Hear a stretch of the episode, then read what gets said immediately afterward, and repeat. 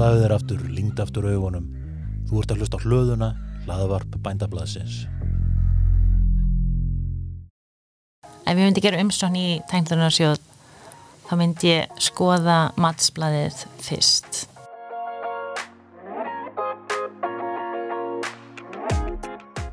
Þegar þessi þáttur kemur í loftið setja fjölmargir frumkvölar við umsóknarskrif. Það er nefnilega marsmánuður og það þýðir bara eitt. Umsóknarfresturinn í tæknithrónusjóð er rétt handan við hortnið. Seinasta sumar fekk ég til mín hana Kollu, Kolbrúnu Bjargmundsdóttur, verkefnastjóra hjá Rannís, til að ræða virkni og mikilvægi sjóðsins. Kolla sagði mér frá styrkjaflóru tæknithrónusjóðs og gaf góði ráð til þeirra sem higgjast sækjum styrk. Þetta er þátturinn um tæknithrónusjóð með Kolbrúnu Bjargmundsdóttur.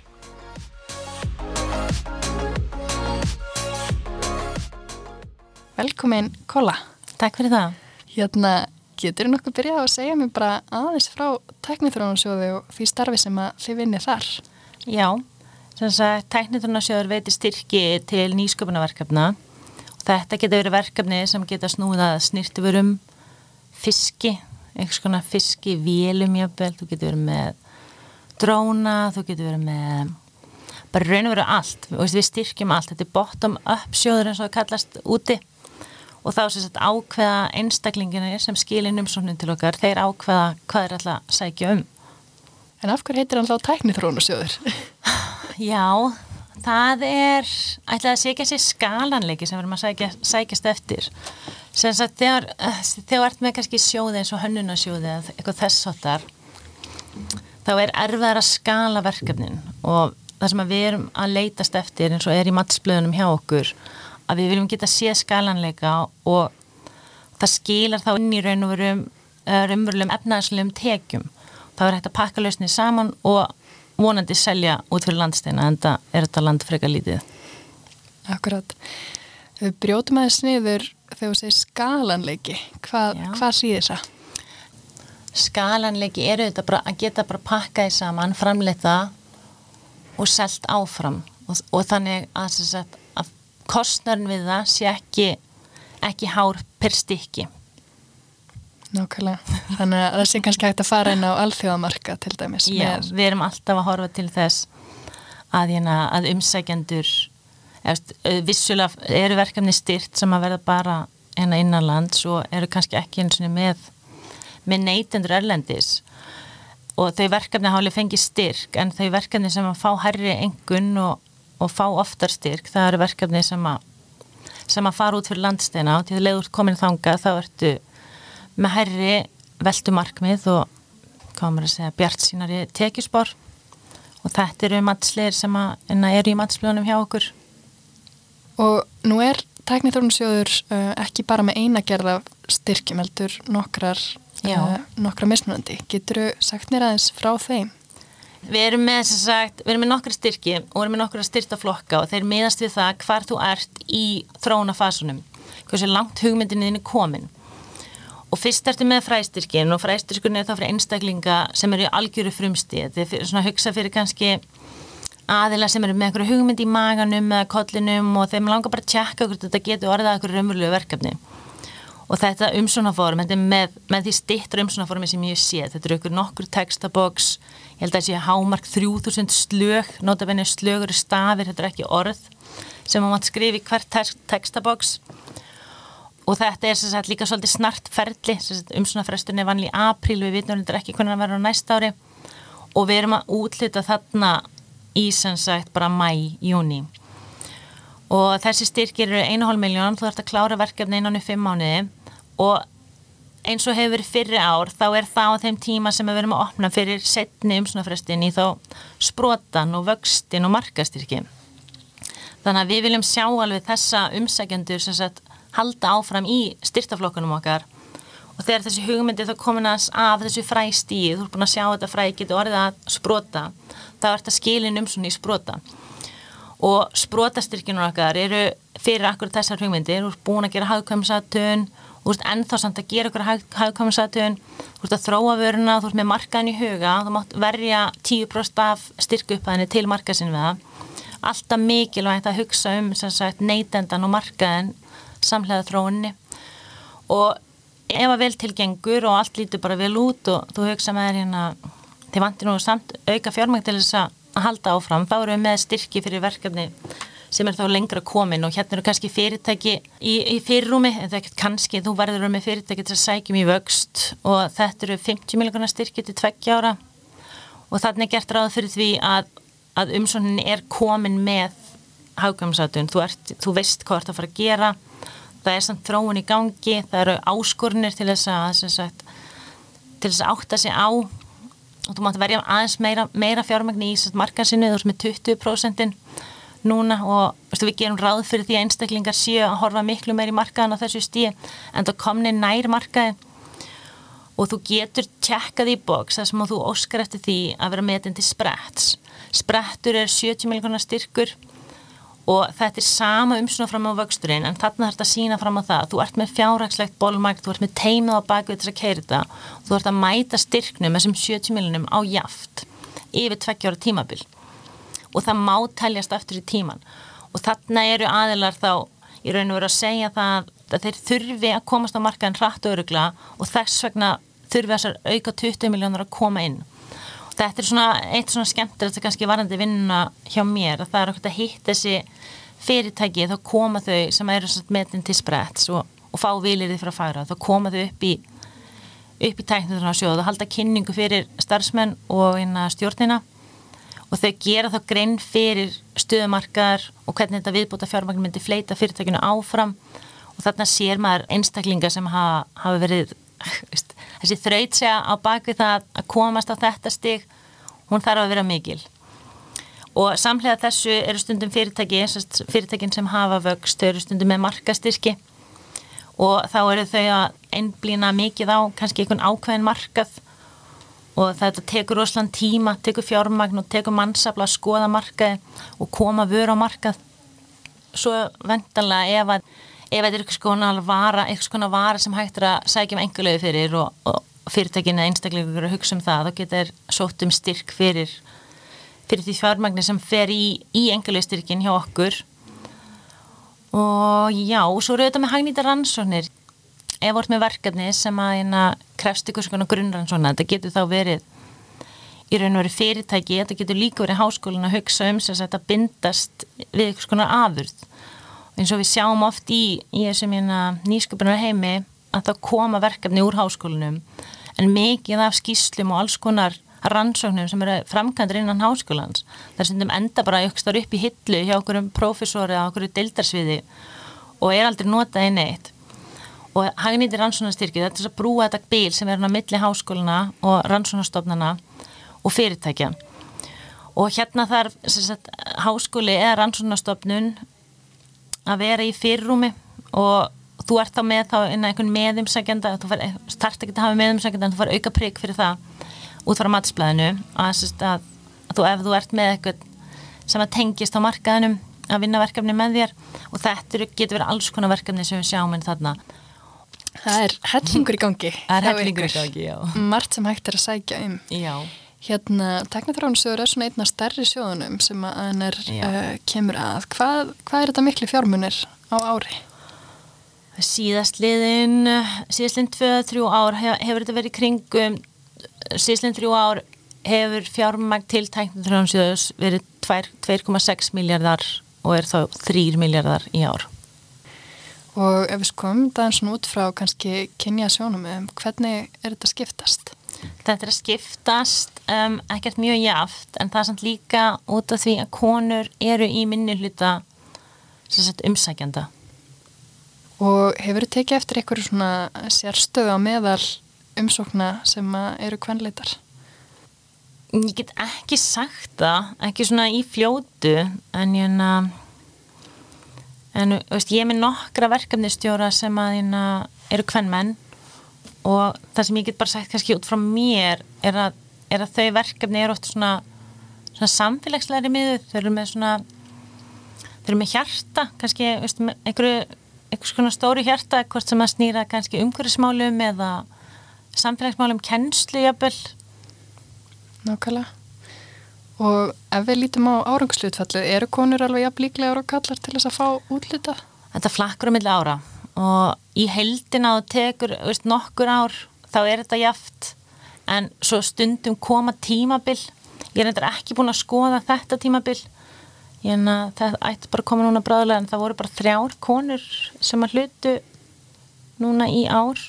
Og það verður svolítið áhugavert að sjá sjá en að tölfræðan út frá því en, en, en, en oftast næri er þetta bara mjög jaft Núna er, eru hérna umsóknirna talsast langar og, og margir sjá það sem ákveði marathón að, setja saman umsókn og fá til sín aðstóð og svona þannig til þess. Hver eru svona þín ráð til þeirra sem higgjast sækja um í tæknithrónsjóði?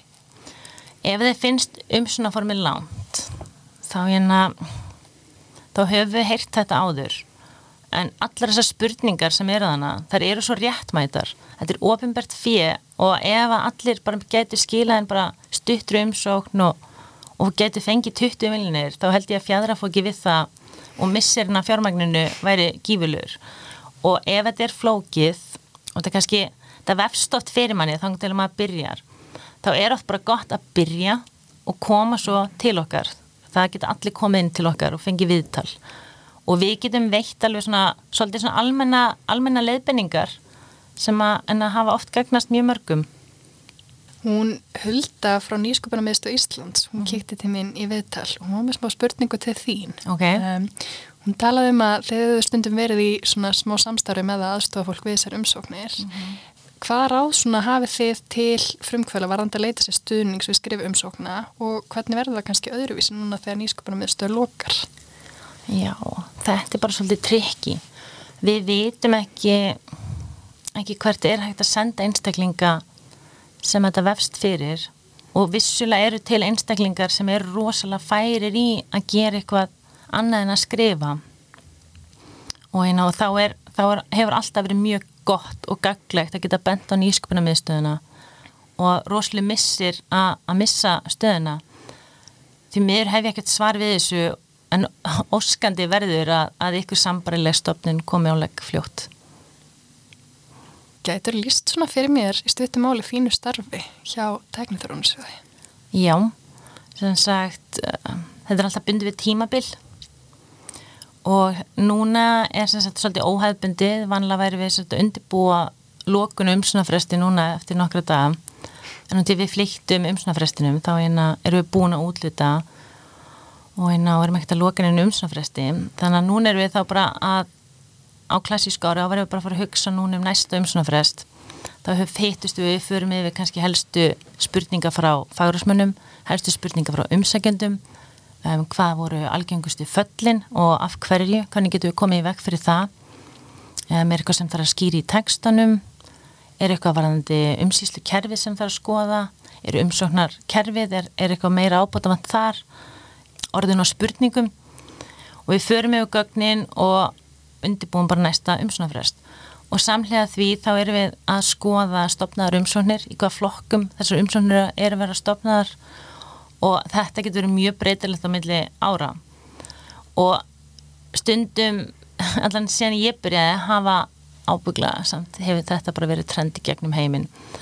Að sérst, umsóknir sem að tengjast tölvum og, og, hérna, og vél, vélvæðingu þar eru aukast og þá reynum við að finna einhverja sérfræðing á þessum sviðum til þess að koma til okkar og vera þá fagrásmenn og fagrásmenn eru þá aðilar sem getur verið úr háskólinum, fyrirtækjum, sjálfsæðstarfandi, getur verið alls konar fólk og ekkert endilega búsett á Íslandi þó vissulega allir þurfa að vera Íslandingar og þetta því að við erum alltaf íslensku. Að við finnum þessa aðila og við höfum samband við það og, og, og í kjölfarið þegar en umsunafræstu drauna er þá eru við bara á, á fulli vaði að hérna að svara símanum og, og aðstóða umsækjandur í gegnum þetta ferli. Og í kjölfari þegar umsóknarfresti lokar oft, oftast nærir mesta mesta eftirspurðin eftir starfsmunum, það er nokkrum tímum fyrir lokun og, eina, og við eina önnum því eftir bestu getu. En aldrei gott að vera á síðustu stundu varandi svona, svona stóra umsókn og eina, eina hveti ykkur til þess að vera tímanlega. Og svo í kjölfarið á lókar um svona frestur og, og við hefjum hefumst handa við að fara yfir hverju einustu umsókn upp á formkröfur. Og formkröfur eru eru aftast í reglunum okkar sem eru rosalega langar, ég veit að það eru 27 blaðsjöður en þær eru aftast, þær eru mjög nýtt með þar en þær eru líka komin inn í umsóknarkerfið. Þannig að það ættir að geta sagt tjekkað í bóksin hvort það hafa fallað á formkröfu og þetta eru blaðsynafjöldi, þetta getur verið eitthvað svona track changes hjá þær í vinnuskjölunum eða verkefnisýsingunni sem maður má ekki vera. Og við fyrum í gegnum þetta og í kjölfarið þá hefjum við bara fagra á starfið þá sem sagt fyrir við í það að raða umsóknum að fagra ás menn eftir fagsviðum og við fyrum líka eftir sagt fyrirvörum, mjög margir umsækjendur eru með fyrirvara um það hverju meginn lesa og hverju ekki. Og það er alltaf gott að, hérna, að skoða hverjir eru í fagraði hjá okkur. Og, hérna, og aðtúa þá hvort það sé ykkur þarna sem þú viljir ekki lesa, ykkur það starfinan fyrirtæki sem þú vilt ekki að, hérna, að fái umsókn í hendunar og, og svo fyrir við bara í það að útdela þessum umsóknum og, og fylgjum svo með fagrásmunum hérna, að lesa þessar umsóknir og svörum spurningum þeirra og í kjölfari eru fagrásfundir þessi fundir eru kannski svona þrýr til fimm fundir og þá er hver einastu umsón rætt og umsónin er bara, hún er rætt af þremulesurum, alltaf þrýr uh, sérfræðingar sem lesa hverju umsón og í kjölfari er sagt, meðaltal þess að tryggja lesara ásamt því er sem sagt hérna, einhver formaður, það er formaður af þessum þremur aðlum, hann sér um að taka saman þá, þetta mat, hann að tveggja meðlesara sinna og nýta saman einhverjum svona eina umsögn sem að fer svo áfram til stjórnar og til umsækjada sem þá leiðbyrnandi leiðbyrnandi umsögn þá fyrir umsækjadur og stjórn.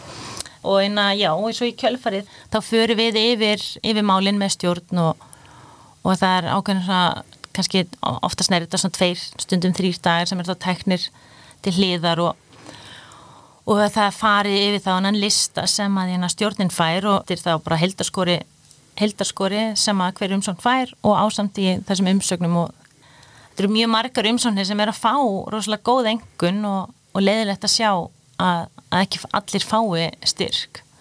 En ánægilegt samt að sjá að eina kom frétt í dag og það er að koma að viðbúta fjármagn Nákvæmlega. Spennandi. Já, þetta er mjög spennandi Þannig að það eru heldur betur mörg handtök sem að Já heldur betur. Og svo er þetta eh, eftirfylgnin hún er líka hjá okkur. Að þá sagt, svo í kjölfari þegar stjórn segir hérna, hún hafi veitt výlirði fyrir, fyrir umsóknunum og þá eina gangastarfsmenn tæktunarsjóðus til samninga við fyrirtækin einstaklingana líka þetta og í kjölfari þess að sagt, þá samningur útfyltur og með þessum samningi eru ákvæmna kröfur sem, að, sem þarf að uppfylla það þarf að skila framönduskíslu og það þarf að skila áfangaskíslu og loka skýslu og, og vera í enna, sambandi við, við okkur það eh, verður eitthvað breytingur á verkurnum sem við erum búin að sjá heldur betur mikið að núna í COVID-tímbilinu og hérna oftast næri er þetta eðla breytingar sem er hægt að samþykja fljótt og öruglega Hvert myndur þú segja væri svona hlutverk tæknið þróunasjós í nýskupnum umhverfunu á Íslandi? Ég myndi segja að væri rosalega mikið og við erum þetta við erum þetta stæðsti sjóðurinn sem er að styrkja Eh, verkefni í nýsköpun á Íslandi.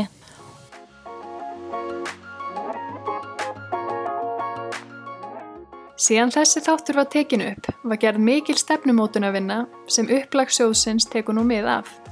En hvað var það helsta sem Kolla vildi sjá breytast til framtíðar hjá tæknithrónusjóði? Það sem ég var mest til að sjá varðandi tæknithrónusjóðu og breytingar, það var að sjá kannski fleiri, fleiri uh, minni styrki eins og frægið að, að gefa fleiri fólki sjens á að pröfa hugmyndina sínar og aðtökustar geti orðað ykkur um ykkur raunverulegri afurð og, og mögulega þá veist, myndi þá sækjum í herri styrki.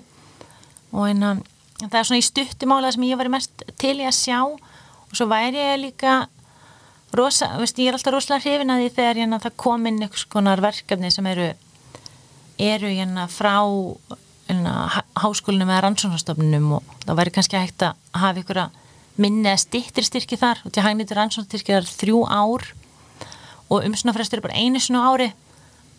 En ég hef ekki gert kannski tölfræðina til þess að bakka upp þessar pælingar en þetta er svona allan að sem að myndi líka hjá mér Og við hugsaum aðeins út í svona jobbtækifæri og, og fjölbreytni af hverju heldur það sé mikilvægt að hafa það svona til hliðsjónar um, í stefnumótun í svona nýsköpunar umhverfinu? Ég held að ef við sleppum því að hafa því til hliðsjónar þá fáum við ekki inn allt þetta var ræðið í af góðum hugmyndum sem eru út í umhverfinu. Ef við hugsaum aðeins út í svona valdeflingu kannski, hvernig heldur að svona það sé best að fá fólk til þess að sjá tækifærin? Sko, við erum þetta búin að vera að horfa mikið til uh, nágranna landana okkar og eina sérstaklega þá Norrlandana og það eru frábæri hlutur að gera og líka í Evropasambundinu en Brussel og það eru alls konar veist, litlir bæklingar um þetta, það eru til stóra skýslur um þetta, hvað er hægt að gera og eina og það þarf bara að koma konar bara stefna og, og setja bara eitthvað af þessum af þessum hérna prúven aðferðum í gang. Ég held að það sé ekkert flokknar en það. Hvort sem að sé markasefnið eða hvert er farið með kynningarnar. Við förum reyndar í kvennafélagin eins og ungar aðtæðnakonur, ég fór þangað í fyrra. Og þannig að bara gera meira af þessu og, og vera bara í kringum sig. Ekki verið að finna pjólið Og nú eru margir sjóður sem eru hýstir hjá Rannís, miklu fleiri heldur en bara tæknithrónu sjóður. Hvað myndur þú segja að maður mæla með að frumkvælar beinir sjónu sem líka að í því úrvali? Já, ok, sko innan rannist þá erum við með rosalega mikið af inna, hérna, sjóðum og, inna, og líka utan rannist, það, það er alltaf að koma róvart þegar ég lenda okkur sjóði kannski sem er hýstri á byggðastofnun eða einhvers konar norðurlandaráðu og þess áttar en vissulega bara alltaf gott fyrir alla frumkvöla að fylgjast með hann og heimasýður rannís það er alltjóðasvið sem er núna reyndar samin að uh, rannsónar og nýsköpunasviði og við erum alltaf virk í að, að láta vita af umslunafrestum sem eru í Evrópusambandinu og hjá hérna dagatalið, rannís dagatalið það er rosalega flott, þú getur séð alla umslunafresti þar og hérna það getur verið markaállanir eins og núna er verið að kera markaállin í haust, ég held að umslunafresti verið í oktober og hann snýr sér um hérna, tung og tækni. Og þetta eru þá verkefni sem eru þá að að gera eitthvað svona talgerfa eða greina íslenskt mál hérna, einhvern veginn svona einhvers konar hugbúnaðar þar. Og, og svo erum við líka alltaf með hérna, einhvers konar styrki sem að sem að koma frá enna Nordforstyrkinir og svo er byggðastólminn þeirri með eitthvað sem heitir Nóra, ég komst að því ekkert núna í vikunni. Þannig að endilega bara fyrirungular fylgist með dagatalina á Rannís og verið líka bara virki að vera í sambandi sagt, við þessi frumkvæla samtök. Það er fullt af þeim og ég sé á Facebookinu þau eru mjög öflug þar. Þá stundum hef ég séð eitthvað sem er nýtt. Nákvæmlega. Og talaður aðeins um áðan að þið veitir fólki hjálparhönd sem að þarf kannski aðstofið að undirbú umsóknir og, og ég get ímynda mig líka bara svona í kjölfar umsókna. Hvernig er svona best að komast í samskipti við ykkur og nýta sér það? Það er bara að ringja, ringja eða senda post. Og hérna við svörum alltaf bara mjög fljótt og örugla Kanski bara svona eitt að lókum mm -hmm. Ef þú verður að fara stjálf á stað út í frumkvælastörf hvernig rekstur myndir þú sjá fyrir þér að leggja fyrir þig? Það væri eitthvað tengt lamadýrum. Lamadýr á Íslandi? Nei, ég veit ekki. Það er allavega eitthvað, eitthvað svona tengt í hana einhvers konar nýtingu af einhvers konar aðvörð, ég veit ekki hvað það væri. Og heldur þau að það sé eitthvað sem þú myndi gera öðruvísi svona eftir að hafa unnið þetta lengi hjá Rannís? Já, ég myndi allavega nummer 1, 2 og 3 ef ég myndi gera umsókn í tæmlunarsjóð þá myndi ég skoða matsblæðið fyrst og reyna að það óttum að því hvað ég ætti best heima. Kortleika Já. Út frá því. Já. Ég held að það sé bara mjög gott ráð. Ertu með eitthvað kannski að lóka um svona sérstaklega til hvenna sem er að sækja um ykkur ráð? Ég raun og bara ekki, bara sama til allra og, og hérna, veistu, ef þið er ekki viss bara hvert þið eigið heima og í hvað styrtaflokki hérna bara endilega bara senda okkur post, ringiði og hérna og við hérna svörum ykkur Nákvæmlega. Er eitthvað sem þið longa við að bæta? Nei, bara takkilega fyrir að fá mig yngað og búin að hafa gaman af Takk fyrir að vera með og kom geið vel Takk fyrir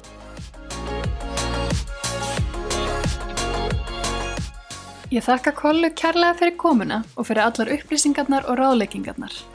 Og til ykkar allra sem eru undirbúið umsókn í tæknithrónusjóð, gangi ykkur vel!